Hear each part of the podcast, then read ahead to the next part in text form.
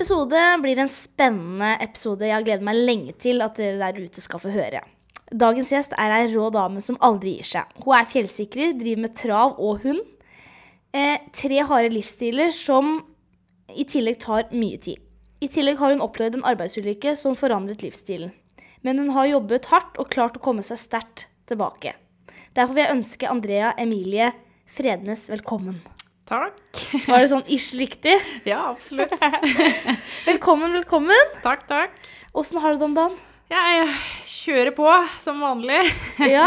Det er eh, Jeg har jo hatt en tøff periode nå etter at jeg har operert beinet for hva da? Fjerde gang. Eh, men eh, og nikker, og mindre smerter, og da er det jo bare å kjøre på, da. Å, så bra, så Ja. bra. Eh, for de som kanskje ikke vet hvem du er, så er det kanskje greit å fortelle litt hvem Andrea er. Ja, jeg er jo Andrea, da. Ja. Jeg er jo eh, teknisk sett født og oppvokst i Sandefjord. eh, Og har jo holdt på med Eller hatt en veldig stor kjærlighet for dyr opp gjennom årene mine. Men jeg er en friluftsjente, da. Mm. Og da blir litt sånn at du er litt overalt og farter litt her og der og tester alt mulig rart du vil teste. Og så ender man opp som en fjellsikrer på slutten, da. ja. Så jeg driver jo da med trav og konkurrerer med det, og konkurrerer med hund, som da i tillegg er på sida, da. Det krever jo en del tid. Men åssen hundekonkurranse er det, Hva er det du konkurrerer innen hund? Eh, det heter IGP. Eh, det er ikke så mange som egentlig vet hva det er for noe. Det het IPO før. Eh, det er rett og slett en polititrening i konkurranseform. Så det er jo tre grener. Eh, spor og lydighet og bitarbeid. Altså det er jo sånn man ser ja, litt rundt om. Så gøy! Mm. Interessant. Det er veldig spennende, det. Ja, altså. Åssen hunder er det du har? Uh... Jeg har belgisk forhund malanois. Uh, noen kaller det malinois, hvis du skal stave det rett fram. Mm. Uh, og de har jeg jo to stykker av nå. Hadde fem. Å, hellan he. Det var mye jobb. Og så har du tid til alle de fem samtidig? Ja, det hadde jeg. Å, hellan het. Så det tok en del tid. Også da når jeg hadde to travere eh, i full trening i tillegg. tillegg. Og så jobber du kanskje en ja, 12-14 timers vakter ettersom åssen turnus du har, da. Så Ja, for da var det full fjellsikringsjobb i tillegg. full fjellsikrerjobb ved siden av. Å, fy fader. Det er, altså jeg bare, det er, og det er, så, det er det som er så kult med jenter som driver med dette yrket vårt. da. Det er sånn som du også har hest og hund og alt sammen, selv om du har dritlange arbeidsdager. Og så er det andre, da, ikke vondt ment mot de, men de har en åttetimersdag, og så er det sånn hvis de skal for eksempel mm, ja, jeg skal på butikken en dagen, da rekker ikke noe annet Nei, den jeg dagen. vet. Ikke sant? Jeg kjenner ganske mange sånne. Det er mange av dem. Mens en annen, så spør de meg om noe hjelp og så virker det som at jeg har all verdens tid, liksom. Ja. Det kan jeg fikse. Ja, ja. Jeg også var sånn at jeg sto jo opp eh, sånn i ja, tre-halv fire-tida på morgenen, og så var jeg i seng til sånn ja, ti-elleve. Mm. Det er Eh, Kort søvn. er- Det er lite søvn. Eh, det fungerer, og så kan jeg bare hente meg litt inn i helgene, har jeg tenkt. Ja. ikke sant? Ja, ja. Eh, og så var vi jo heldige med å ha to eh, pauser på dagtid da, på, i jobb. Mm. Og da er jo de fort på en halvtime til en time, og da er det bare å kjøre på med litt av powernap, da, vet du. så klarer du det. Oi, oi, oi. Ja, jeg tror det er ganske mange som gjør det eh, når de har en type turnus eller eh, Ja. jobber i anlegg, da. Mm. Eh, for jeg lærte fort av de andre at det var veldig smart å gjøre. Ja, ikke sant. ja. Nei, men det er helt utrolig. Fem bikkjer og to hester. Jeg mm, har mer nok med to hester, jeg. For å si det sånn. Ja. Jeg har så vidt tid til den ene hunden, i hvert fall. ja, ikke sant? Uh, nei, det er helt uh, veld, Det er veldig bra. Men du er veldig sånn friluftsmenneske. Ja. Er det det som gjør at du falt litt inn for fjellsikring? ja, altså det som var litt greia, var det at eh, jeg jeg, jobba i fjellsport i noen år, eh, denne nettbutikken, Mm. og elsker menneskene der. Men kontorjobb var aldri noe for meg. Og jeg har jo testa meg rundt litt eh, her og der, som sagt, eh, og hadde plutselig fire-fem jobber mm, ja, samtidig. Eh, for å liksom prøve å finne litt ut hvem er jeg, og hva liker jeg. Eh, var også sånn på skolen eh, at jeg visste ikke hva jeg ville gjøre, hvilken linje jeg skulle gå. Eh, og så ender jeg opp med å snakke med en eh, veldig god eh, venn av meg, da. som sier at hvorfor, hvorfor prøver ikke du deg som en type fjellsikrer eller noe sånt? Fordi du, du har liksom disse tingene som de ser etter. Eh, og jeg visste jo faen ikke hva en fjellsikrer var engang. Eh, og så var jeg med på et sikkerhetskurs på eh, Walk Safety, hvis du vet hva det er. Ja. Og eh, der var jeg med å klatre litt og sånn, og skjønte litt hva det var. Og får rett og slett en mail eh, i hånda om at jeg skal ta tak eh, i Vegard Gjerden, da. Og det gjør jeg, eh, og får et jobbintervju og blir enig med han om å rett og slett bare prøve meg.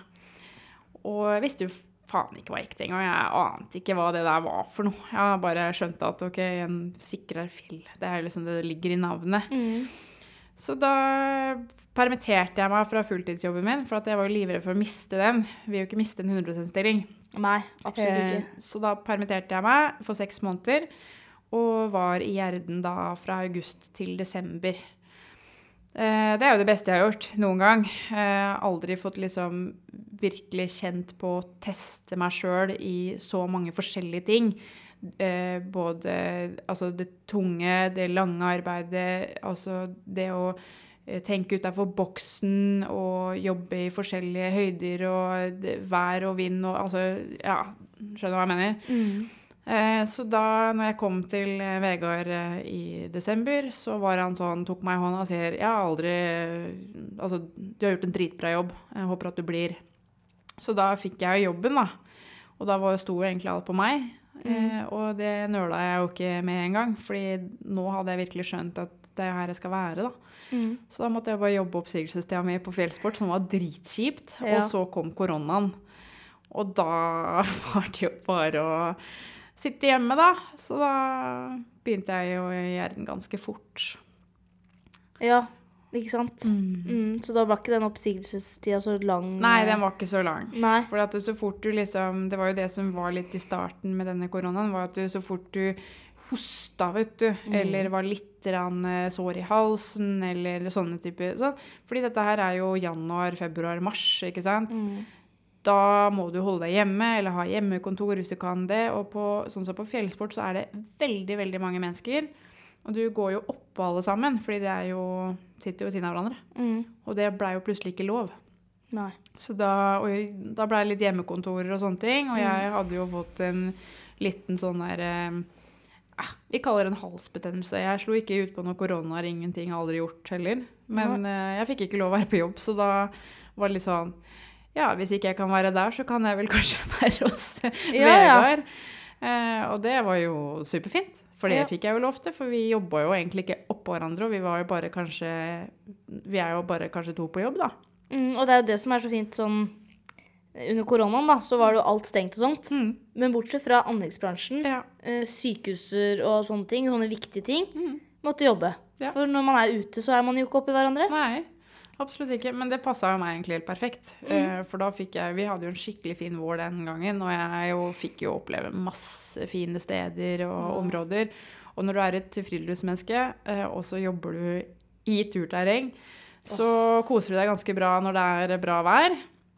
Eh, egentlig når det regner, for det driter jeg i. Men, men når jeg da plutselig sier jeg hadde jobba en periode av gårde, da, eh, som gjorde at du kanskje har fri på søndagen, eller du er ferdig på jobb til fem-seks, så hadde jeg med meg bikkjene på jobb. Så jeg endte jo opp med å dra på tur. Ja. For jeg hadde jo ikke ro i ræva til å sitte på det der hotellrommet. Nei, det skjønner jeg godt. Så da fikk jeg jo oppleve enda mer, da. Og det er jo steder jeg absolutt har plotta inn på et kart som jeg vet at jeg skal tilbake til. Mm. På sikt. Ja. Nei, men så, sånn du begynte inn i fjellsikringsverden. Det er akkurat sånn jeg gjorde det. egentlig. Ja, det det var liksom ikke noe jeg, Rett og slett en liten sånn headhunting, da. Mm. Uten å bli headhunta, hvis Ja. du skjønner hva jeg mener. Ja, Jeg har gjort det jeg skulle gjøre, sånn som alle andre må gjøre. Mm. Men jeg tror bare at mine kvali kvalifikasjoner eh, er noe det de ser etter. Da, når du ikke er, du er ikke Ja. redd for noen ting, du er ikke redd for å ta i et tak, du har ikke høydeskrekk. Eh, jeg har jo alltid vært godt trent, eh, selv om jeg lita og kanskje Jeg tror jeg veide hva da, 58 kilo på den tida. Mm. Og, men, men jeg skal, skal, skal ikke være noe dårligere enn de andre. Så mannfolka der de fikk jo litt hakslep, for hvis de tok to sånne sementsekker, så skulle faen jeg gjøre det òg. Ja, ja, ja. kanskje litt mer sliten på slutten, men jeg ga meg ikke. Ikke? Og det er vel det at når du er så sta, da, så bare Mm. ja, Du bare skal. Ja. Nei, men jeg skjønner, skjønner godt hva du mener. Og jeg har blitt, fått veldig, blitt veldig glad i fjellsikring. selv, selv om det var ikke det jeg skulle. Eh, Men jeg blei satt til det. Ja. Eh, Det er jo over et år siden nå. Uh, Og det brant jo jeg litt for, da. Det Ja, greiene der. Og jeg jeg husker jo at uh, når jeg begynte med det, så tenkte jeg å helsike, det var bare vær så god opp i liften og 40 meter opp. Jeg bare tenkte OK, hva skal jeg liksom gjøre for noe her? Ja. Og drita tungt. var veldig greit sliten eh, Ja, ja. de første ukene, men så bygger man seg opp, da. ja, det er akkurat det du gjør. Du får en teknikk. Og det var jo det jeg også kjente, at jeg hadde jo ikke noen teknikk. Nei. Men når du er ja, litt av lav sak, da, og så skal du håndtere en svær knemater, Mm. og så vet du ikke helt åssen du skal gjøre det, så enten så står du der og later som at det er ikke tungt, og så er det jævlig tungt, og så ser du at mannfolka bare Når skal du gi deg, liksom? Fordi Ja. du, de ser jo at du har dårlig teknikk. Ja. Um, men jeg fant jo mange rare teknikker eh, for å håndtere dette her. Da. Mm. Eh, og til slutt, da, når du skjønner hvordan du skal gjøre det, og løse det, og det ikke er tungt, og det bare nesten går av seg sjøl Mm.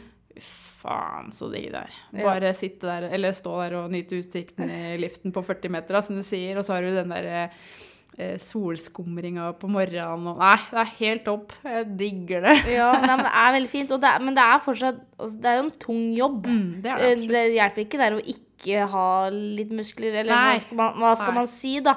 Og så Jeg trener jo ved siden av i tillegg, og etter jeg har begynt å trene litt mer seriøst og være litt flinkere der, så har det blitt bedre. det må jeg jo bare det, innrømme. Det gjør det, for det er, jo, det er jo tungt for både rygg og armer.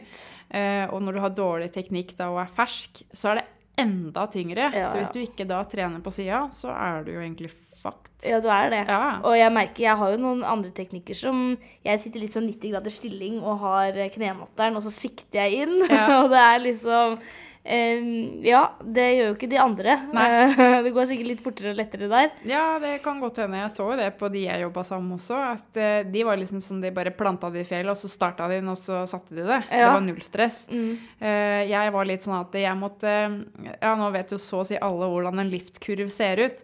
Og når du er da 1,60 høy, så, så ender jeg opp med at denne knemateren, den bare hvelva jeg i fanget mens jeg sto på tvers. Oi. Og så lot jeg den ligge i fanget på høyrebeinet, som jeg da hadde festa på andre sida. Ja, ja. Og så fikk jeg sikta det inn bedre, for da holdt jeg jo i bordstanga samtidig. Ja, det er, ja, det er akkurat det. Mm. Og så starta jeg det med høyrehånda, ikke sant? så du mm. fikk liksom kompensert. Men da brukte jeg ikke bare overkroppen til å holde dette her Nei. stabilt. Da kunne jeg bare lene det i fanget. Eh, noen regler sier at du ikke skal gjøre det, eh, ikke sant? fordi du har hansker og ditt og datt og kan bli med bordstanga rundt og disse tingene. Men, men hvis du finner en måte å gjøre det på, så går det ganske bra. Ja. Og da trenger du ikke å bytte så mange stenger, for da har du jo full eh, kontroll. Og Ja, ja, ja. så det sparte jeg ganske mye tid på da når jeg fikk teken på det. Mm. Eh, og så hadde jeg jo ikke tid til å vente på at ting liksom skulle synke og senke seg ned. Og, så jeg, jeg bare sto i kurven, jeg. Og jeg sto gjerne litt oppå dette rekkverket som du ikke skal gjøre, men jeg hadde fallsikring, så jeg dreit jo faen i det. Ja. 40 meter over bakken, vet du, og skal ikke stå der engang. men det er liksom Sånne ting gjør du. Og sånn er det, tror jeg, i alle jobber, at du skal bare. Ja. Hvis du skjønner hva jeg mener. Eh, og det kan være litt sånn Det er noe du ikke skal gjøre. Ja, det er jo det. Men man gjør det. Ja. Sånn er det bare. Vi er mennesker, så også hvis du er uredd da, så har du det gående. Ja, ja, ja. ja, ja, ja. Og, og, så bli, og så merker jeg også med fjellsikring så er det sånn okay, først, Det er jo litt sånn skala på Ja. Det er jo farligere og farligere og mer utfordrende, utfordrende og dit skal du. Du begynner nede, Du er litt forsiktig i bånn der. Og så begynner liften, og så begynner du litt på kanten av ting med Ja. håndholten og sånn. Og så til slutt så endte det med at eh, jeg tok fjellsikringskurs. Ja. For jeg skal i tau. Ja. Ikke sant? Man kommer Ja, ja. Man ja, gjør det. Man blir aldri mm, eh, ja, hva, skal, hva skal man si? Får aldri nok av de utfordringene og de kicksa, da. Ja, jeg er helt enig. Og jeg var jo, var jo ganske høyt oppe Da hadde jeg jo ikke eh, hatt dette ferdig sikkerhetskurset ved tau, da, men jeg kunne jo tau. Eh, jo det, vi drev jo ikke med tau akkurat i den fjellhylla der, der hadde vi liften. Men det å holde på med da nett, da, og jeg syntes det var veldig gøy med toppvaieren, for da kunne jeg klatre rundt på toppvaieren Ja. og rundt på nettet og sånn, og bare huke meg rundt og ordne og styre og være rett og slett litt Tarzan. Ja. Det syns jeg var helt topp, ikke sant. Så jeg klatra ut av liften, og så oppå toppen av den topperen så måtte de bare hente meg på andre enden. Ja, ja, ja. Ikke Og det, sant? det, det er ikke sånn du egentlig skal gjøre det, men det funka jo for meg. Og jeg var jo satt veldig ofte til sånne sluttprosjekter og sånn, for at jeg Mm. har jo ikke sånne Var ikke noe fan av pauser, ikke sant. Så jeg fløy rundt og var bavian. Ja. Jeg syns det var helt topp. Ja, men jeg skjønner deg veldig godt. ehm, Så derfor, og så har jeg jobba mye med Gjerden. Ja. Også nede i Sandnes og i Arendal og sånt. Mm. Det var der jeg hørte om deg. ja De bare ja, 'Kjenner du Andrea og kommer fra Og jeg bare Jeg har ikke hørt Beklager, liksom. Men så søkte jeg litt opp, og da tenkte jeg jo, her ja, ja. er det nok jenter med samme interesser. Og det er jo litt koselig, for du går jo bare med de gutta krutt, da. ja, ja, det gjør det. Det er ikke så mange av oss, hvis Nei, det er jo ikke det. Nei, det er det ikke. Så det er alltid koselig når man møter noen litt like, da. Ja, ja. Har jo, vi har jo to jenter til i jobben hos meg. Ja. Og gjerdene har jo blitt ganske stort, som Mm. du sikkert vet. Og, eller nå heter det jo Nordisk fjellsikring, så Mm. Ja. det er jo liksom noe helt annet. Men eh, det er to jenter, eller da med meg så er det tre. Og resten er jo kontordamer som regel. Eller Ja. så får vi kanskje inn en jentelærling her eller der, men de blir som regel ikke så lenge. Nei, de gjør ikke Nei, de gjør ikke det. det. Ikke vondt ment. Nei, men de gjør ikke det. De Nei. orker ikke så mye, for de ser ikke for seg at det er så tungt. Nei. Men jeg Og lange jo dager og Ja, lange dager, og Ja. så plutselig så liker de kanskje å ha litt lange negler eller ditt eller datt, eller de var ikke helt Så for dårlig der.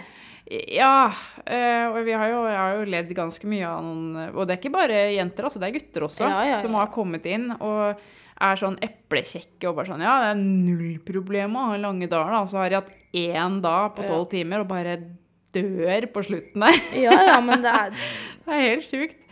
Og jeg, jeg peser rundt, dette. Jeg syns jo det er veldig gøy, da. Så gjør meg ingenting. Nei, men, så eh, bra.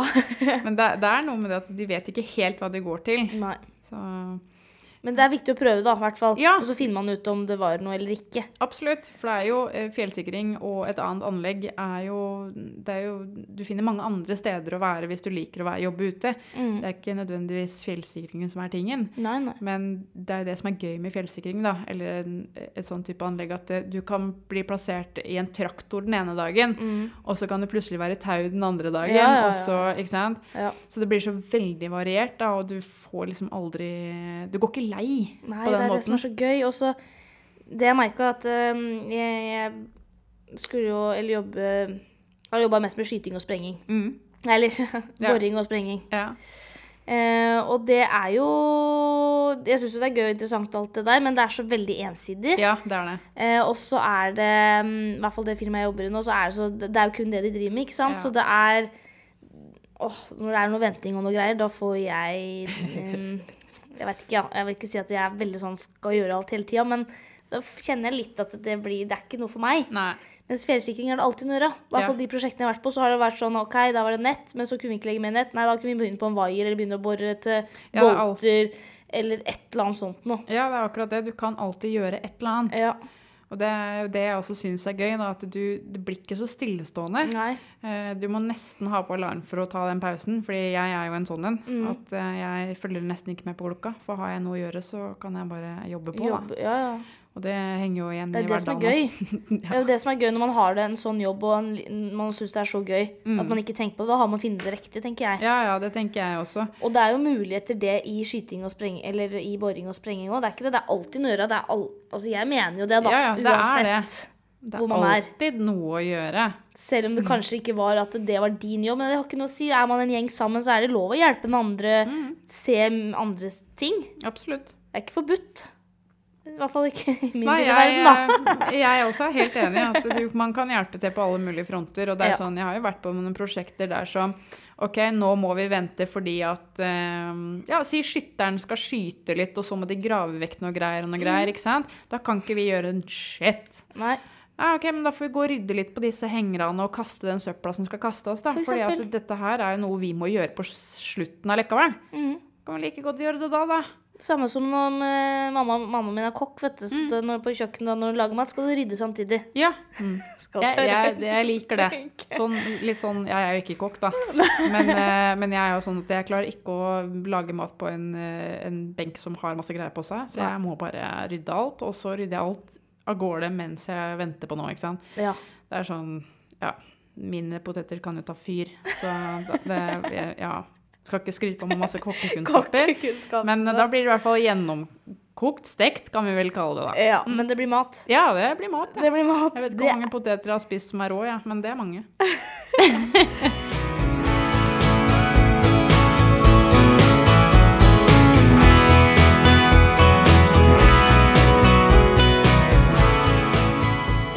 Men det her er i hvert fall veien din inn Mm. til fjellsikring. Det er at du er friluftsmenneske og liker litt fart og spenning, da. Ja, teknisk sett. Da blei det fjellsikring. Ja, og utfordringene. Ja. Ja. Og hvor lenge jobba For det som kanskje mange lurer litt på, og som kanskje du har jo stått fram for det og sånt, er at du har jo gått gjennom en arbeidsulykke ja. som forandra ganske mye. Det gjorde det. Eh, Helt klart. hvor lenge siden er det nå det skjedde? Eh, Det er tre år i januar. Det er tre år i januar, ja. Så når du begynte hos Gjerden, hvor lenge jobba du før det skjedde? Typ tre år. Og så det, det var tre år, og så Ja, ja. ikke sant? Det gikk ikke så lang tid eh, før det gikk skikkelig til helvete, for å være ærlig. Har du lyst til å prate om eh, hendelsen? Ja, det kan jeg, vet du. Den, eh, nå ligger jo den ute overalt, så det, for min del så er det ikke noe filter på det, egentlig. Nei. Så, men eh, nei, det var jo rett og slett bare at jeg kommer på jobb. Og så eh, blir vi sendt ut på et anlegg i Kragerø først. eh, Men der kunne vi ikke eh, fortsette enda pga. noe snø og greier. Det er- Dette her er jo i januar, i slutten av januar. Det er jo hva, minus 20 og mye snø. Mm. Og så tar vi båt tilbake igjen og finner ut at vi skal bli sendt til Skien, da.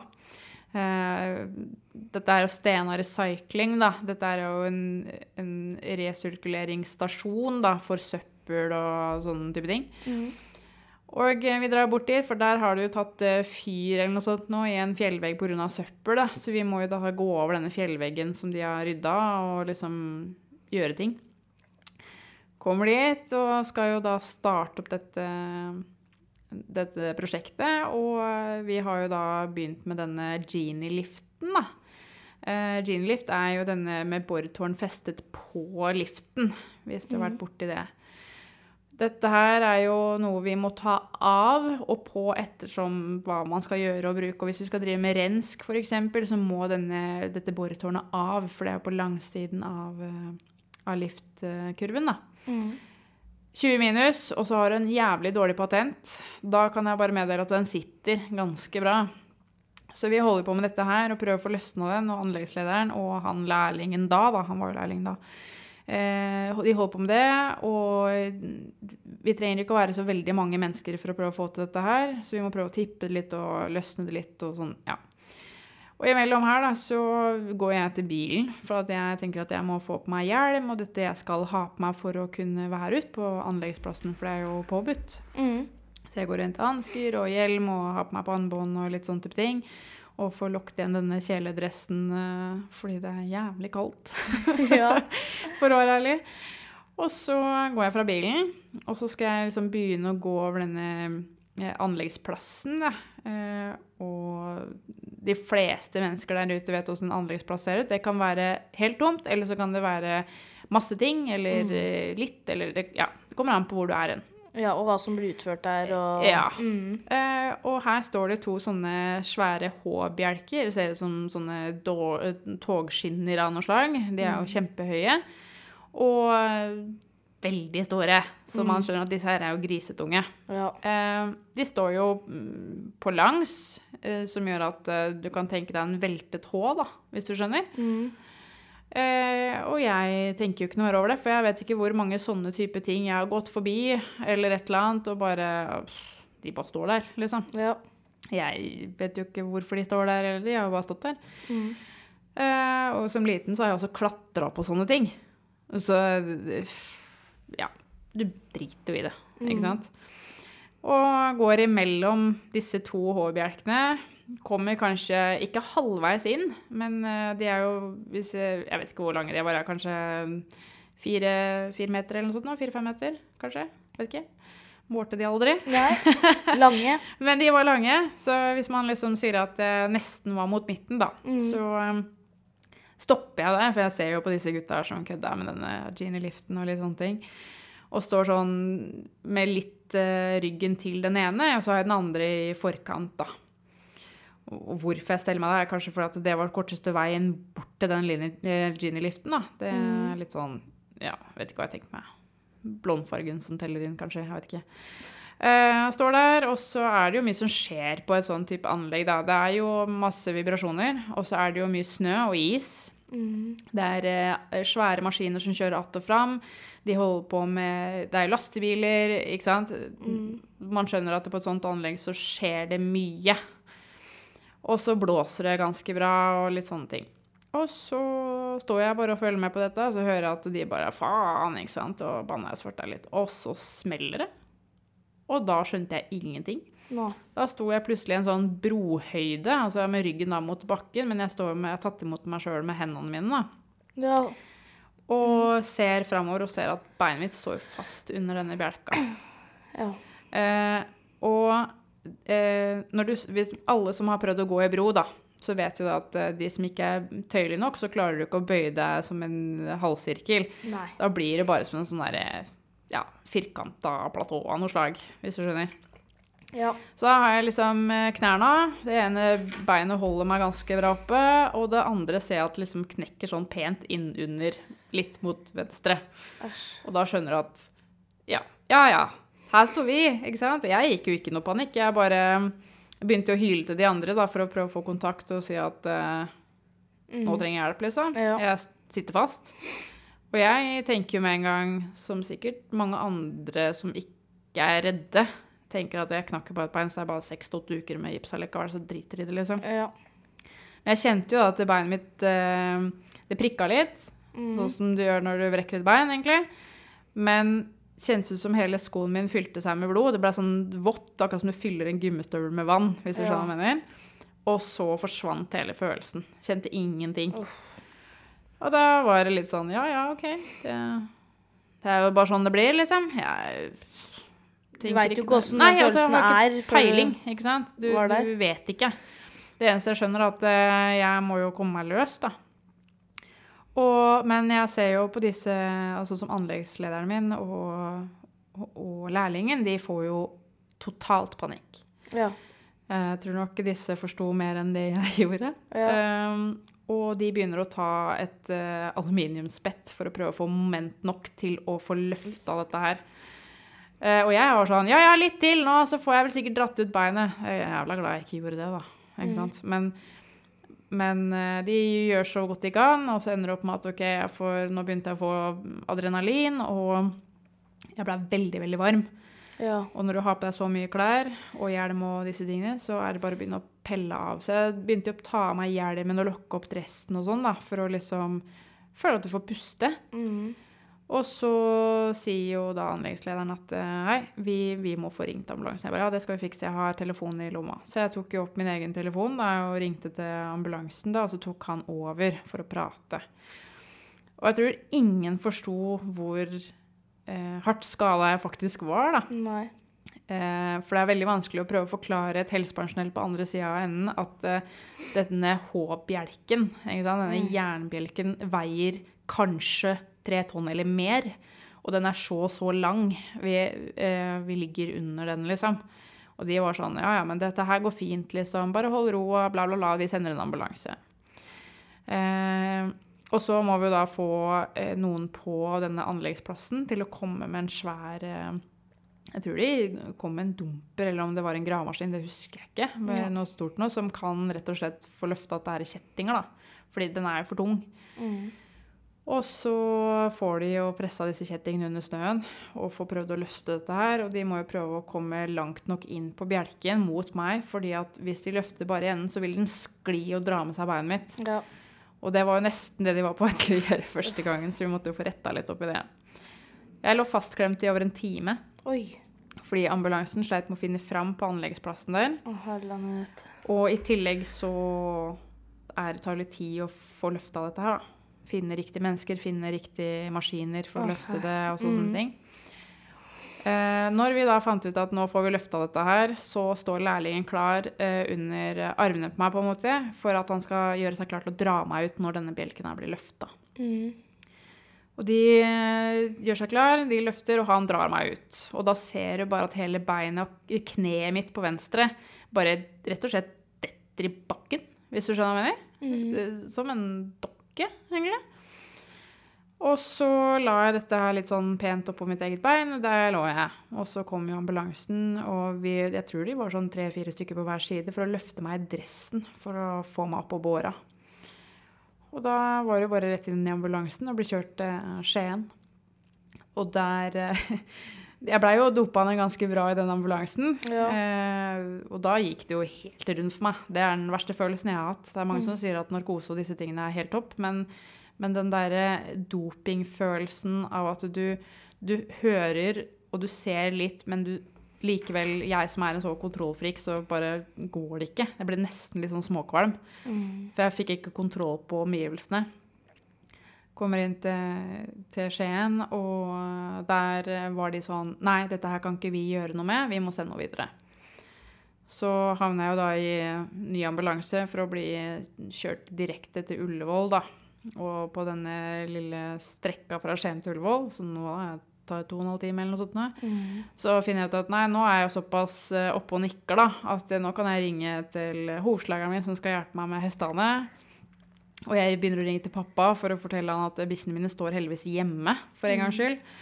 Uh, og jeg, jeg er jo på vei til sjukehus, da. Uh, denne uh, Det jeg har tenkt å si der, er jo liksom Det har jeg klart i hodet. Det er jeg sikker på at jeg har klart å si det reint. Jeg har jo snakka med de i ettertid, og de, de skjønte at det skjedde noe. De hørte ambulansesirenene, men de skjønte ikke helt hva jeg sa. Nei. Jeg var jo såpass rusa, men de skjønte at det gjaldt hund og hest, og at de skjønte at jeg var skada, da. Og så slokna jeg selvfølgelig litt igjen og blir vekt på Ullevål og får beskjed om at de kan ikke redde beinet mitt. Det er, eh, den klemskaden var enorm, og beinet var jo knekt, så det var jo legoklosser, liksom. Du, det går ikke an å skru det sammen engang. Pulver, Pulver, ikke sant. Eh, koronatida sier jo at eh, da får du ikke lov til å ha med noen inn, du, får ikke, du må være aleine. Eh, jeg brånekta. De fikk ikke lov å ta dette beinet her før jeg fikk lov å ha med min pappa inn. Så jeg, de, det var ikke snakk om. Eh, så til slutt da, så fikk jeg vilja mi. At, eh, fordi jeg hadde jo blødd ganske mye, og ting var jo ganske alvorlig, da, så vidt jeg forsto. Og de sa jo at den operasjonen var- måtte de gjøre i to omganger, fordi at de kunne jo nesten mista meg første gang. Så det hadde jo gått ganske hardt ut, da. Men når jeg våkner, så kommer pappa inn. Og da eh, var han sånn Han knakk jo totalt sammen. Og jeg var litt sånn Ja, men for faen. Vi får bare Det her må vi fikse. Jeg kan i hvert fall ikke være den som knekker nå. For hvis jeg knekker, så blir det tyngre for alle andre. Jeg trenger at de andre eh, har det bedre og tenker at dette her skal vi fikse, sånn at de kan hjelpe meg opp når jeg får en tung periode. Så da begynte vi bare å kødde og ha sånn galgenhumor og bare Ja, nå kan jeg bli pirat til halloween, eller ikke sant. Vi var- litt sånn, da. Og det har jo hatt tøffe tak etter dette her, men, men eh, likevel så hjalp det at folkene rundt meg skjønte at vi må gjøre dette her på en eh, bedre måte. Vi kan ikke gå i sorg. Jeg har jo ikke daua, så dette her skal vi jo klare. Så det Den er ganske drøy, hele, egentlig hele greia, for det er jo ingen som hadde gjort det sånn. De hadde gått i sorgprosess og tenkt at nå var livet over og sånn, men, men jeg bare Det sjekket. Jeg har altfor mye dyr å komme tilbake til, og der stopper ikke meg, liksom. Og det har de ikke gjort heller. Så bra. Ja. Ja, men det er jo veldig bra det, da. Mm, ja, At absolutt. ikke det har stoppa det, i hvert fall. For det er jo fort gjort at man kan sikkert eh, havne ned i en mørk uh... Kjeller. Ja, eller Ja. mørk Man eh, blir nedi der, da. Ja, det er ikke Du har jo nok vært nedi der. Jeg har hatt mange mørke dager. Eh, altså sånn heldigvis ikke sammenhengende. Men uh, det er jo takket være at uh, du, du aner ikke hvor mange ganger jeg har hatt liksom, ligge i seng og tenkt her skal jeg bare ligge. Ja. Jeg har ikke lyst til å stå opp. Jeg har ingenting å stå opp for. Hva skal jeg gjøre? Jeg går jo på krykker, og jeg kan ikke, orker ikke å gå en liten topptur engang. Du bare gidder ikke, ikke sant? Nei. Du ser ikke noe ende på ting, og du bare fungerer ikke. Men så hadde jeg jo bikkjene, da. Og så eh, hadde jeg jo hestene. De sto heldigvis på en eh, travtrenerstall, da, så jeg hadde fått litt hjelp der, så jeg sto ikke for det der og da. Og jeg hadde akkurat fått bikkjene hjem fra kennel. Men de må jo ha luft. Mm. Og det å ligge og tøye og tøye og tøye, og tøye, så begynner jo disse her å si hei, hei, nå må vi ut. For ellers så kommer vi til å bare tisse ned hele huset ditt, liksom. Mm. Det tror jeg har vært redninga mi på sånne dager, som gjør at hvis jeg bare har lyst til å ligge der, så gjør jeg det ikke fordi jeg blir pressa til å stå opp. Mm. Ja, men jeg gikk og la meg igjen etter det, men da har jeg i hvert fall vært oppe, da. Så er det en vinner den dagen. Og det har jeg liksom lært at det er lov til å ha dårlige dager, og så må du bare lære deg å godta de dårlige dagene, og så kan du heller prøve å bygge deg opp. Mm. Men det har jo gjort sånn at når jeg lufter disse bikkjene, så var det egentlig ikke så ille å stå opp allikevel. Nei. Og så ender det opp med at du kler på deg, da. Men jeg unngikk jo speil, eller speil, speilbilde eh, i lang, lang, lang, lang tid. Fordi at hvis jeg begynte å se meg sjøl i speilet eller disse tingene, så hang jeg meg mer opp i det. Og følte at jeg måtte Ja, bare det å pusse tenner var jo en, et problem, ikke sant? Fordi det krevde noe mer av deg enn å bare stå opp. Så jeg aner ikke hvor mange perioder jeg endte opp med at jeg bare sto opp, kledde på meg et eller annet som jeg klarte å kle på meg, og så bare krykka jeg ut døra. Satte meg i bilen og tok meg en kjøretur. Det gjør jeg enda. Hvis jeg havner litt i den der eh, mørke delen. Mm. Men jeg har jo lært av det, og jeg har også fått mye hjelp eh, fra psykolog og, og venner og familie, da. Som gjør at de presser deg ut. De hjelper deg å dra ut. Men det er jo takket være dyrene at jeg i det hele tatt faktisk kom meg ut. For det er jo ingen mennesker som kan tvinge deg ut hvis ikke du vil. Nei. Men eh, dyra, da Jeg kan velge. Enten skal jeg miste de, gi de bort, selge de, eller så må jeg steppe opp gamet og ta ansvar, da. Ja, for det er jo noe liv som er avhengig av deg, som du Riktig. Du må gjøre noe for for at de skal ha det bra, Mm. eller leve og Ja. Og jeg var jo ikke interessert i å miste de. Nei. Så da måtte vi bare steppe opp, da. Mm. Og det hjalp jo. Og så er jeg jo en person som lærte mye, både i fjellsikringa og før det også, at eh, det er ingenting som eh, har en fasit, ikke sant. Du, bare du må leite etter å jobbe lettere, ikke sant.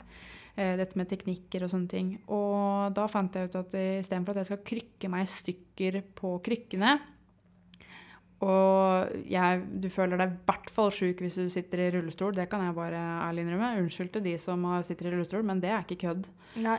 Du føler deg enda verre da, eh, og du blir i hvert fall sett mer, kall det ned på da. Eh, mer sjuk enn du kanskje er, osv. Så, eh, så jeg kjøpte meg en egen liten verkstedkrakk, som du gjerne har ja, fra Biltema f.eks., Mm. og begynte å bruke den til å sitte på og rulle rundt i hele huset. Da følte jeg meg plutselig helt topp. Eh, og så begynte jo pappa å lage en sånn eh, Vi kaller det en protese. Mm. Som endte med på at da kan jeg gå rundt på kneet og kneskåla isteden, og polstre den litt. Og sånn, så fikk vi hjelp av ortopedingeniørene til å gjøre den bedre, da. Ja. Og da hadde jeg bare bestemt meg for at denne her skulle jeg Jeg fikk jeg jo bare beskjed om at denne her kan du bare stå på, liksom. Sånn for å gjøre ting lettere hvis du skal lage mat, eller Mm. henge opp klær, eller sånne ting. Ja. Men jeg var litt sånn Den her skal jeg bare lære meg å gå på, for da slipper jeg å få de krykkene. Ja. Brukte, brukte noen uker på å lære meg å gå ett og ett steg, for det var jo grisetungt. Jeg hadde jo mista alle musklene i venstre side. ja, selvfølgelig. Og så plutselig så gikk jeg på den, da. Og da var jo mye gjort. For å si det mildt. Ja, ja, ja. Men øhm, tilbake til når du var på sjukehuset og våkna opp, og faren din var der, du visste du hadde mista beinet, eller var det da du merka det når du våkna da? At den ikke var der, eller? Nei. Eh, når, du, eh, når du er gjennom en sånn type operasjon, da Mm. eh, Jeg tror det er mange andre, men jeg fikk epidural, sånn som, eh, sånn som fødende f.eks. får. da. At Mm. de, blir, de blokkerer disse nervene fra korsryggen din og ned for at du ikke skal ha disse smertene. Mm. Da hadde de satt det sånn at jeg ikke kjenner Jeg var lam i begge beina. Ja. Du måtte kjøre sånne istester for å kjenne at ok, jeg kjente ingenting på venstre bein, men jeg skulle kjenne litt annet på høyre. Eh, eh, flere har jo sikkert fått med seg at eh, epidural over lengre tid eller kanskje sitter litt gærent. Det er ikke helt heldig. Så den måtte vi hastefjerne et, eh, da, en uke eller noe sånt, nå, for da, holdt jeg, da hadde jeg full følelse i venstrebeinet, som jeg da hadde mista. ja. Men høyrebeinet mitt var lam. Ja. Så jeg holdt jo på å miste det òg. Så er det jo ikke nok med bare én ting. Nei, det er jo liksom 100 ting. Eh, men eh, den fikk vi fjerna, og da fikk jeg følelsen tilbake i beinet ganske fort.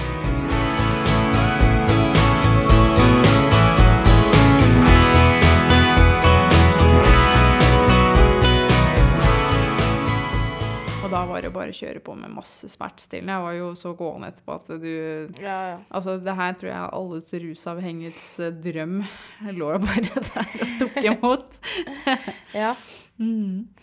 Og så var det Når du våkna opp, og du skjønte liksom at, uh, at ja, Når du våkner opp, og så veit du at du samler deg litt, du blir litt mer deg sjøl kanskje etter hvert når smertestillende sånn blir borte. Mm. Det tok vel litt tid Var det en uke eller to, eller hva, hva følte du liksom Hvor lang tid tok det Jeg for var at du ganske sansa så fort jeg hadde våkna etter operasjonen. mm, Eh, jeg tror nok eh, fort at når du liksom våkner opp fra en sånn type narkose, så tar det jo fort kanskje én, to, tre timer. Det vet jeg ikke egentlig. Men Nei. det tar jo noen timer for at du liksom får virkelig våkna, da. Mm, Og du begynner å liksom kan du snakke litt og skjønne at du Hva som har skjedd. Ehm, og da begynner jo liksom legen å snakke litt til deg og sånne ting. Så bare første døgnet så lå jeg våken hele natta. ja. For da var det liksom Det går jo mange tanker mellom hodet ditt, Mm. men jeg var nok ikke den som ville vise det for mye. Og når du har vært i disse sportene, da, som jeg er i, eller jeg er jo fortsatt der, men eh, telefonen min gikk ganske varmt ja. det første døgnet.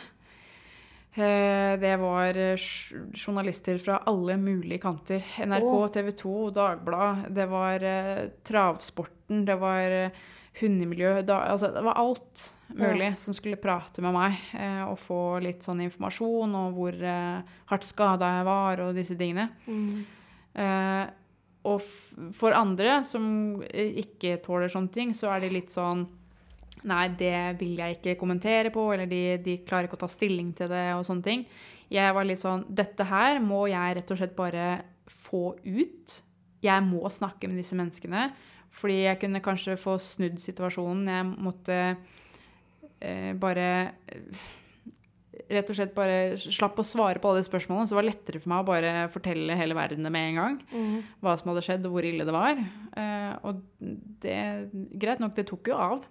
Men det oppholdt også min tid, da, ja. hvis du skjønner. Mm, Eh, så jeg har, jo noen ganske rusa videoer som jeg sendte til NRK, blant annet. Og de har jeg jo enda, og jeg ler så griner når jeg ser på. det. Hun ser jo helt skeiv ut, ikke sant. Øynene går overalt.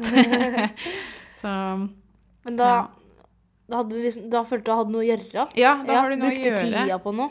Ja, og så, og så rekker du Altså, jeg er veldig dårlig på å uh, prosessere ting, da, hvis du skjønner. Jeg liker ikke å tenke over eh, ting som har gått gærent, eller uh, fordi jeg er en overtenker, sikkert som mange andre mennesker der ute. Mm, Uh, men for meg så ble det sånn at hvis jeg gjentok og fortalte hva som hadde skjedd, og hvor ille det var, så rakk jeg også å prosessere en del. Hvis du skjønner. Det gikk litt mer opp for meg som, hvor ille det var og alt dette der. Men så satte jeg meg også mål mens jeg prata med dem, for det er jo veldig mange spørsmål man får. da. mm. Hvor, eh, hvor er du om et halvt år, eller hva gjør du? Skal du tilbake i travbanen? Hva, hva, ikke sant? Og jeg var sånn Jeg skal ri igjen så fort jeg er utafor her. Jeg skal det, jeg skal det, jeg skal det. Og da fikk jeg ganske mange mål. Og så ender det opp med at du, når du er et konkurransemenneske, så skal du i hvert fall bare gjøre det. Ja. Og det tror jeg var ganske lurt, egentlig. Så da var det jo, så fort du var ute av sykehuset så, og følte deg litt oppe og nikke igjen, så var det rett i stallen, vet du. Og ut og skulle sitte på den ene hesten som du visste du hadde ridd inn, og du skulle ut og kjøre hest, og du skulle ditt og datt, og jeg leide rundt på de her på krykker, og det var, ba, jeg, ba, det var helt Jeg var bavian. Ja. Altså, det, det var ingenting som stoppa meg. Jeg skulle bare gjøre alt. Det var Mm. ingen som fikk lov til noen ting. Jeg kosta. Altså, Granum gård i Sandefjord er ganske stor. Og, og jeg drev og hinka rundt på stallgulvet for å koste stallgulvet. Jeg var gjennomsvett med det jeg skulle gjøre. Mm. Det var ingen som skulle få lov å fortelle meg hva jeg ikke kunne gjøre. Det eneste jeg forsto, som er den letteste saken for mange andre, det er å bære rundt på et glass med vann, for eksempel. Da. Eller Mm. brus, eller hva du velger. Det fikk jeg ikke til. Nei. Fordi da hopper jeg jo alt ut av glasset, Ja. og da blir det bare søl. Mm. Så det var jo det jeg ikke fikk til, og det gjorde meg mest forbanna. ja. Sånne vanlige Sånne vanlige ting. Enkle ting, da, som man tenker. Yes. Hvor lenge lå du på sjukehuset før du dro hjem? Eh, Jeg lå vel fort en tre- tre-fire ukers tid, tror jeg. Det lå Mhm. ganske lenge. Ehm, For det var jo nesten en uke på Ullevål, og så ville jeg jo til Tønsberg, da, for det var jo nærmere hjem og ikke sant, liksom sånne ting.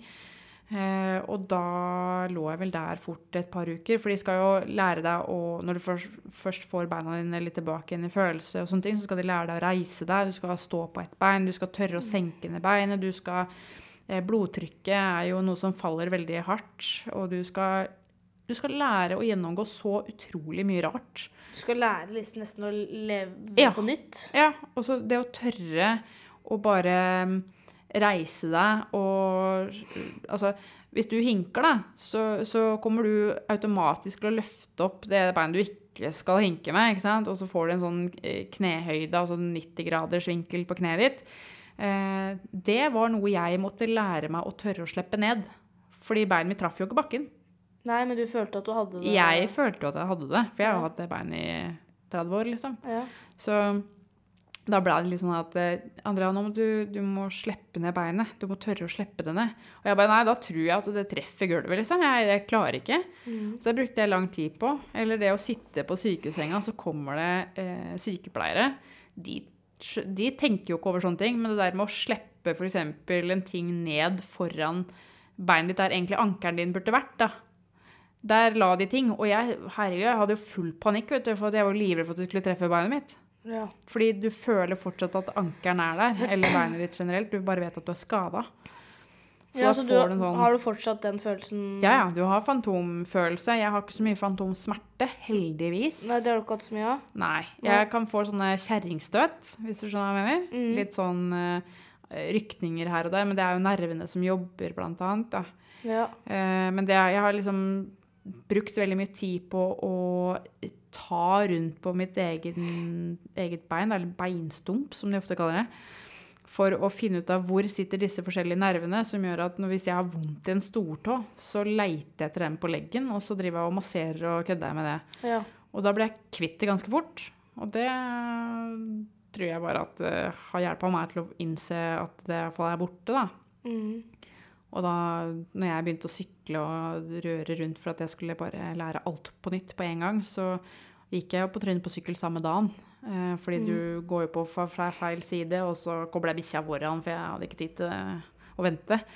Eh, da gikk jeg jo på trynet, og da, men da trekker jeg jo beinet oppunder, da. Og det er jo det sykehusets største mareritt, er jo det at når du har mista et bein, og du har hatt bein fra før, da, så er de redd for at du skal tenke at du skal ta deg imot med det beinet som er borte. ja. Og da slår du jo beinspissen, da, og det kan jo fort gå imellom huden. da. Mm. Men det har jeg aldri gjort. Og jeg har jo som sagt vært villbass da, til å gjøre ting. Så eh, at det har gått bra, det er litt sykt. Men du kom deg i hvert fall fort tilbake til stallen, da. Mm. Og hunder og hobbyen din. Ja. Det har hjulpet deg mye. Ja. Eh, så all ære til de fine dyra dine. ja, takk Gud for at jeg er et sånt menneske som liker dyr. da. Ja, For du er jo i travsporten. Ja. og i hundesporten. Mm -hmm. um, og der er det sikkert mange da også som har kanskje hjelpa deg og Ja. støtta deg, og, og det har jo vært godt å ha den gjengen, da. Absolutt. Det er jo helt klart. Når du opplever en sånn ting som jeg gjør, så eh, de vennene du tror du har nærme, Ja.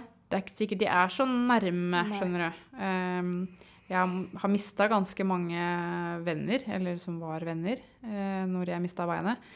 Men de menneskene jeg egentlig ikke trodde brydde seg så mye om meg, da, ja. de menneskene steppa virkelig opp. Eh, som nå per dags dato er mine nærmeste venner. Mm. Og det er jo da du ser eh, en kontrast da, på hele det sosiale nettverket du har. Eh, hvem som takler å være der, hvem som ikke takler det. Noen som ikke sant, Hvis du forstår hva jeg mener. ja. Eh, noen syns jo sånne ting er så tøft at de bare De klarer ikke å håndtere det, mm. og så trekker de seg vekk. Mens eh, andre er litt sånn at hvis, du, hvis du bare klarer å bevise dem at du er fortsatt den samme, så tar de deg for den samme. Mm. Og det er en sånn ting jeg er veldig takknemlig for nå, da, at folk rundt bare De glemmer at jeg er handikappa. De glemmer at jeg mangler et bein, fordi jeg fungerer så hardt og så bra uten. da. Mm. Og da Da blir det sånn Hei, kan du hjelpe meg? Nei, faen, du kan ikke gjøre det, du. nei, nei, selvfølgelig. Nei. ikke sant? Ja. Ja. Nei, men eh, så bra at Og da får man jo For det er jo ofte sånn da at eh, de man tror er nærmest, det er ofte de man kanskje sjøl jobber mest med for å ha kontakt Holde. med. Ikke sant? Å holde. ja. Eh, mens de som egentlig er de nærmeste, de trenger du ikke å jobbe så mye med, vet du. Nei. Fordi de jobber så mye med for å være med deg. Ja. Så glemmer dem litt, sånn i gåsetegn. Absolutt. Og så når du merker det sånn som du har opplevd nå, da får du i hvert fall virkelig sortert litt, da. Ja. Det, det har jeg fått gjort. Ja, for det er jo mye viktigere, for vi er så rare, vi mennesker. sånn, det jeg tenkt, tenker jeg tenker mye på rart, da. Men at vi er så veldig sånn, vi bryr så veldig om oss, de menneskene som egentlig ikke bryr seg så mye om deg. De skal vi jobbe hardt for å ha Ja, kontakt med og være med. Mens de som er så gode og snille og hjelper oss, liksom, Mm. er de vi litt fader i. Jeg veit. Hvorfor er vi sånn? Jeg veit ikke. Det er jo akkurat Jeg syns det er så rart. Ja, det er helt Jeg er jo sånn sjøl. Ja. Og så er det sånn at vi liksom. oppfører oss dårlig med de menneskene som du vet er der. Ja. Det er de som får alt bryderiet hvis du har dårlige dager eller Ja, ja, eh, eplekjekk, eller du tør å fortelle dem at nei, fy faen, hvorfor går du sånn, liksom. Mm. Mens de menneskene du egentlig ikke eh, skulle hatt i livet, da, de er sånn, der går du nesten på tå Mm. for å passe på at de liker deg ja, ja, men det er sant. Ja, det er veldig rart. Ja. Men du- hvert fall når du Med det du har opplevd nå, så fikk du i hvert fall Mm. holdt jeg på å si, rydda opp, da. Ja da, og det, sånne ting skjer støtt og stadig, det, altså. Ja. Det gjør det. Men det tror jeg er en prosess av livet, og det å bli eldre og sånne ting også. Eh, men jeg har i hvert fall lært meg å ikke akseptere alt mulig rart, Ja. hvis du skjønner. Mm. Gidder ikke å bli hersa med, gidder ikke å Ja, det er mye som skjer når du opplever en traume, da. Det kan jo være hva som helst. Men da, da må du stille opp for deg sjøl, og da gidder du ikke å bli pelt på nesa. Og det har jeg aldri gjort heller. Nei. Ikke før ulykken engang. Nei. Du er jo en sterk person fra før av fra ulykken nå. Mm. Eh, så du har jo takk... Ja, for andre som ser sikkert fra Siljen, syns jo du har takla det dritbra. Ja. Eh, de første kommentarene jeg fikk når eh, jeg snakka med f.eks. legekontoret mitt, da, Mm. der er fastlegen, de var sånn Vet du hva, det er fælt å si, men takk Gud for at det var deg. Ja. Ikke sant? Mm. Og for meg så blir jeg sånn Kødder du, eller ønska du meg den driten her, liksom? Ja. Ikke sant? Fordi det blir jo litt amper, og du blir du, For Ja. du får et sånn indre sinn, ikke sant? Eh, men jeg forstår jo hva de mener. Mm. Eh, men samtidig så ble det litt sånn Hvordan kan du si det? Ja. ja. For jeg, jeg forstår ikke at eh, Og det er noe jeg fortsatt bearbeider. Det der med at hvorfor må sånne ting skje med eh, mennesker som meg, da, som liker og er ute, gjør Ja. noe fornuftig for samfunnet generelt, da, hvis du skjønner. Mens vi har ganske mange andre der ute som eh, virkelig ikke vil løfte en eneste finger, og de rett og slett bare sitter foran hva da, en PC-skjerm. Jeg vet ikke. Vi la alle andre gjøre det for dem, og så kommer masse Ja. syting for å slippe unna. Yes. Og da blir jeg sånn Men selvfølgelig skjer det jo ikke noe med de, for de er jo Nei. faen ikke utafor døra. Nei. Ikke sant? Men det er det bare Det har jeg slitt med, da. At jeg Mm. har rett og slett hatt en type misunnelse på akkurat det der. At eh, hvorfor skal det skje Mm. meg, da? Eller ja. Ja, og jeg skjønner deg veldig godt. Det er jo Det er ikke noe god følelse, det. Mm -mm. Eh, og når man er så glad i jobben sin òg. Ja. Det akkurat det. Det er derfor jeg skal Um, tilbake igjen. Så. Ja, ikke sant? For at eh, det jeg skulle spørre om nå, var at eh, åssen syns du Nå er vi litt inne på helse her, Helse-Norge. Ja, men åssen syns du det har vært etterkant etter ulykka? Det, det, vet du hva, det har vært så ræva at mm. uh, Det er trist å si, altså. Um, jeg trodde at jeg var under god oppfølging, og at dette her ikke var noe jeg skulle stå aleine, ikke noe jeg trengte å jobbe så hardt for sjøl. og at uh, jeg ikke trengte å leite etter så mye informasjon, for det kom jeg til å få. Når jeg mista beinet, så eh, Hvis du er litt utafor denne denne komfortsirkelen til Helse-Norge, så driter de i det. Ja. Da eh, kan jeg vel bare si så mye at eh, jeg eh, havna litt utafor systemet, da, kan vi pent si. Som endte opp med at eh, de bare visste ikke hva de skulle gjøre, og jeg fikk ikke noe beskjed noe sted. Jeg måtte ansette en egen, altså jeg måtte få tak i en advokat da, for å få hjelp eh, til å vite hva mine rettigheter er Jeg har leit etter så mye informasjon og måtte oppsøke andre amputerte. Jeg måtte, altså, det er en fulltidsjobb, Ja. det å bli sykemeldt generelt. Du vet ikke hva du har krav på. Og jeg har jo hva da, funnet ut nå at eh, jeg hadde krav på å få stønad for eh, bukser og sko, fordi jeg sliter jo ut selvfølgelig dette her mer enn mange andre, for jeg belaster jo kun bare én fot. Ja. Eh, og du må kleppe bukser og alt mulig rart. Eh, og når du bruker proteser, så sliter det på buksa di, så du lager hull ganske fort. Ja. Eh, jeg visste ikke at jeg fikk dette dekt. Eh, men det er jo en prosess å søke, da, selvfølgelig. Ja, og så er det sånn der eh, Det er jo veldig ikke, Jeg vet ikke rart, da, men når du blir så dårlig og alt sammen, at det ikke det er noe oppfølging med en gang at noen kommer og sier til deg 'Dette har du krav på, det har du krav på, sånn skal du ha det', sånn At det ikke er noen som forteller Ja. Ingenting som forteller deg noe. Nei, nei, nei. Du blir bare sendt hjem, og så klarer deg sjøl. Ja, det er det de gjør. Så Det du skal jo- være For å være jævlig sjuk, skal du være jævlig frisk, Ja. hvis du skjønner hva jeg mener. Jeg skjønner. Eh, fordi at du, du må liksom bare sånn Vet du hva, jeg kjenner min kropp, og hvis det er noe gærent her, så må man bare stå for seg sjøl og Mm. spørre Vet du hva, det her stemmer ikke. Så ille kan det faktisk ikke være. Eh, og det har jeg virkelig kjent på ganske mange ganger. Eh, som sagt, nå har jeg operert fire ganger fordi at leger rundt om ikke tar meg på alvor. Oh. Eh, jeg fikk, eh, fikk fra en lege, da, så sier han Men Andrea, jeg tror bare at eh, smerten eh, du sier du har når du belaster beinet ditt i protese, det, det sitter i hodet ditt. Så jeg har egentlig lyst til å sende deg på smerteklinikk for å bearbeide smerten i hodet ditt. Fordi smerte er en illusjon, som de sier. ikke sant? Okay. Ja. Og da ble jeg litt sånn Hva er det du sier? Skal dere dope meg ned og finne finne smertestiller for å få meg til å kunne gå på protese? er uaktuelt. Mhm. Eh, Jeg liker ikke å ta Paracet engang. Nei. Så hvorfor skulle jeg plutselig begynne å gå på masse sterke smertestillende for å klare å gå hva da, en time om dagen? Det skjer ikke.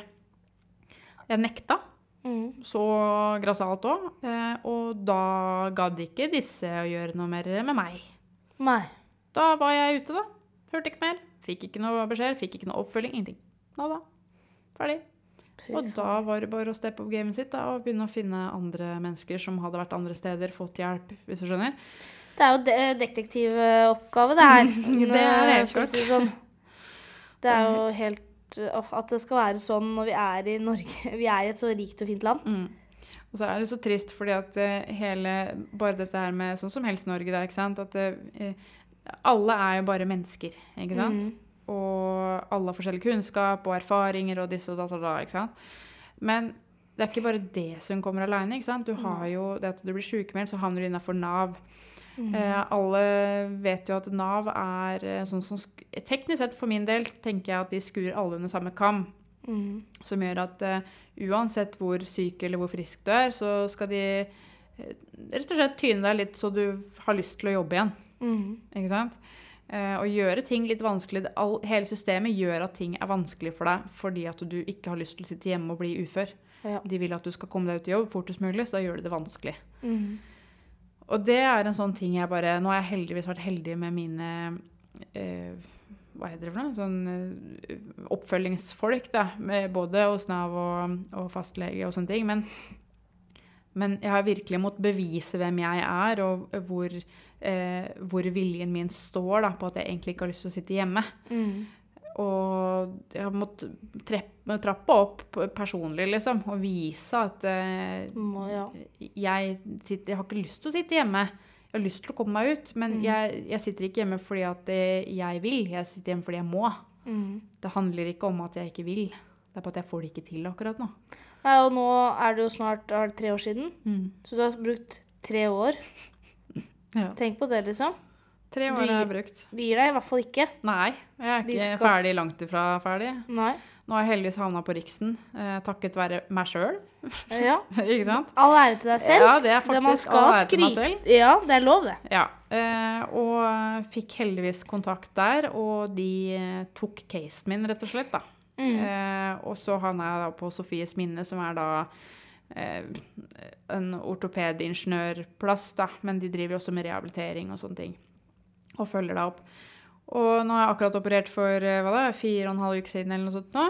Og eh, er vært tett fulgt opp der en gang i uka for å følge med på at såret gror, hofta mi sitter riktig, at jeg styrker og tøyer og bøyer og you name it. Jeg har aldri vært borti sånne mennesker, jeg. Nei. Tre år, og så har jeg ikke vært borti sånne som har fulgt meg opp så tett som de har gjort. Eh, de har også lagt en plan for meg ikke sant, som gjør at eh, håpet nå for at jeg kanskje kan få til en protese på sikt, er jo større enn hva det har vært. Mm.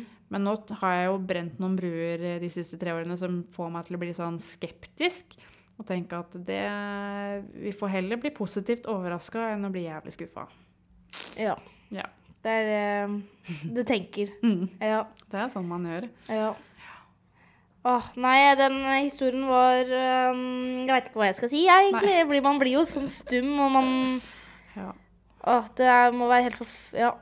Skjønner, det er vel opptur og nedtur, selvfølgelig, men selvfølgelig. det må ha vært en helt forferdelig vei, da. ja, det er veien som har vært tung. Ja. Ja, faktisk. Mm. Hadde bare Hadde fått en bok med uh, en Oppskrift. Ja, en oppskrift da, Ja. på liksom hvordan, hva som du kan forvente, og hva du må gjøre, og litt sånn hva du har krav på av generell basis da, Ja. når du mister et bein, eller hva, hva enn det skulle vært. Mm. Det hadde vært litt lettere ja. på mange måter. Men øh, det, det skulle jo det skulle jo Jeg mener jo det at det skulle jo vært sånn at når man Sånn som du, da. Mm. Etter alle ukene på sjukehuset, skulle det vært noen som hadde kommet og hjelpa deg et eller annet og sagt De, Vist de gjorde, vei, liksom, eh, gjorde liksom litt det i starten, Ja. men det der eh, når du er litt utafor kabalen deres eh, og er Ja. for aktiv for systemet, Ja, eller for sta, så kan de ikke hjelpe deg. Nei. For da føler de ikke at de får gjort noe fordi du allerede har gjort det. Ja. Jeg var alltid foran sykehuset. Jeg tok jo sårstellet sjøl, for jeg stolte ikke på det. Du blir veldig sånn ja. Jeg satt og måtte lære meg ting fort. Mm. Fordi jeg hadde ikke tid til å sitte og vente på de. Og da skyver de deg sånn pent og forsiktig ut. ja. Men eh, takk for at du har hestene og hundene dine, Ja. og som har fått deg opp, og alle som har støtta deg, og Ja. at du er så bestemt og sta og, og vil. ja. Ja, men det er jo Ja, all ære til. Man er jo seg sjøl. ja, ja. Hvis ikke man vil sjøl, så skjer det jo ikke noe. Nei, da kan du bare drite i det. Ja, Ja. Man kan jo si det så enkelt. Ja, det er jeg helt enig i. Det, um, åh, vi kunne sikkert sittet og prata i timevis, for jeg Ja. det er jo veldig interessant og gøy med fjellsikring og alt. Ja. Og det du har opplevd, er jo veldig Det er jo interessant. Ja da, og det, det har jeg jo skjønt at folk eh, eh, Altså, andre mennesker har blitt sånn derre Det er helt sjukt hva du får til. Og jeg har blitt Ja. sånn Herregud, det her er jo ingenting. Ja, hvis du skjønner? Mm. Fordi for meg så har det blitt en vane, og jeg forstår Jeg får ikke noe mestring av det. Jeg bare gjør som jeg gjør, hvis du skjønner. Men for andre så blir det litt sånn her Herregud, det her er jo helt vilt. Og det er jo så bra at uh, du har jo vist det Du har jo TikTok Ja. og vist det på sosiale medier, og da tenker jeg det er jo en veldig oppfriskning for andre. Ja. For det er jo flere som er i den situasjonen. Og så Ja. er- kommer flere òg. Det er akkurat det. Også, og det var liksom hele tankegangen med dette her med sosiale medier. Få det ut, få det ut. Mm. Eh, men jeg har jo opplevd at jeg har nesten hjelpa flere som ikke har vært amputert, Oh, ja. enn Altså de som har slitt med psykisk helse generelt, da. ja. Sliter med de- depresjoner, Mm. angst osv. Jeg tror nok jeg har hatt flere samtaler med sånne, sånne mennesker Mm. eh, kontra disse som har mista et bein. Men det viser jo bare at det hjelper like mye dem. Ja. For det handler jo handler jo mye, så selv om ja, det er ikke alt som handler bare opp i huet, selvfølgelig, men det er jo mye det står på. Ja, for å få til ting. Det er Så- psyken og vilja di. Hvis ikke du gjør det, så Mm. skjer Altså, beinet mitt gror ikke ut igjen. Så jeg har måttet jobbe med meg sjøl, ikke sant. Og Ja. det er jo Det er nok der mange har slitt, da. Mm. Da- Det var det som var liksom hele greia, at jeg hadde lyst til å prøve å kanskje nå andre mennesker som kunne få litt hjelp, da. Mm. Jeg har hatt så mange mm, eh, altså, mobbofre som har slitt med å ville dra på skolen. Ja. Eh, og bare der så har jeg tenkt at ok, jeg tenker at jeg har nådd sånne mennesker, og i alle aldersgrupper. Og da mener jeg fra eh, fem år til eh, 60 pluss, altså. Mm. Det har vært helt eh, vilt. Jeg har fått brever i posten, og det tok jo helt av. Vi kunne ha hatt en egen episode med alle de spørsmåla, Ja, sånn at eh, alle får de. ja det, det er mange spørsmål. Det er Ja. Et spørsmål som jeg fortsatt henger igjen på. Det er, de lurte fælt på om beinet mitt grodde ut igjen. Seriøst? Ja, Oi. og da får du et svar av meg, og da tenker jeg at ja, hvis jeg hadde vært halvt firfrisle, så kanskje. Kanskje hadde grodd ut. Jeg tenker Jeg pleier jo å avslutte med en quiz. Mm. Få høre. Eh, før så har jeg hatt sånn at man kan velge, men så tenkte jeg sånn Nei, nå tror jeg skal bare ha en eh, Jeg lager en quiz. Ja, og da tenker jeg jeg må ha litt sånn temaer, hva som har vært i det siste og sånn. Mm. Og nå har jo Disney er 100 år. Å, fy faen. er du glad i Disney? Ja, det verste er at jeg er glad i Disney. Du er det? Men, eh, men jeg er jo så dårlig på navn og Det er helt krise, liksom. Ja, men jeg er ikke noe bedre, jeg. Men jeg Nei. elsker Disney. Ja, jeg også gjør jo det. Men det blir litt beskrivelser isteden. For ja, Ja. det blir ikke så ordrett. Griner mye av Disney. Ja, det har jeg også gjort. Gjør det enda. Ja. Ja, men Det var godt å høre. Men er du klar for en liten Disney-quiz? Så vi får opp liksom litt stemninga. ja før vi... høre, hva.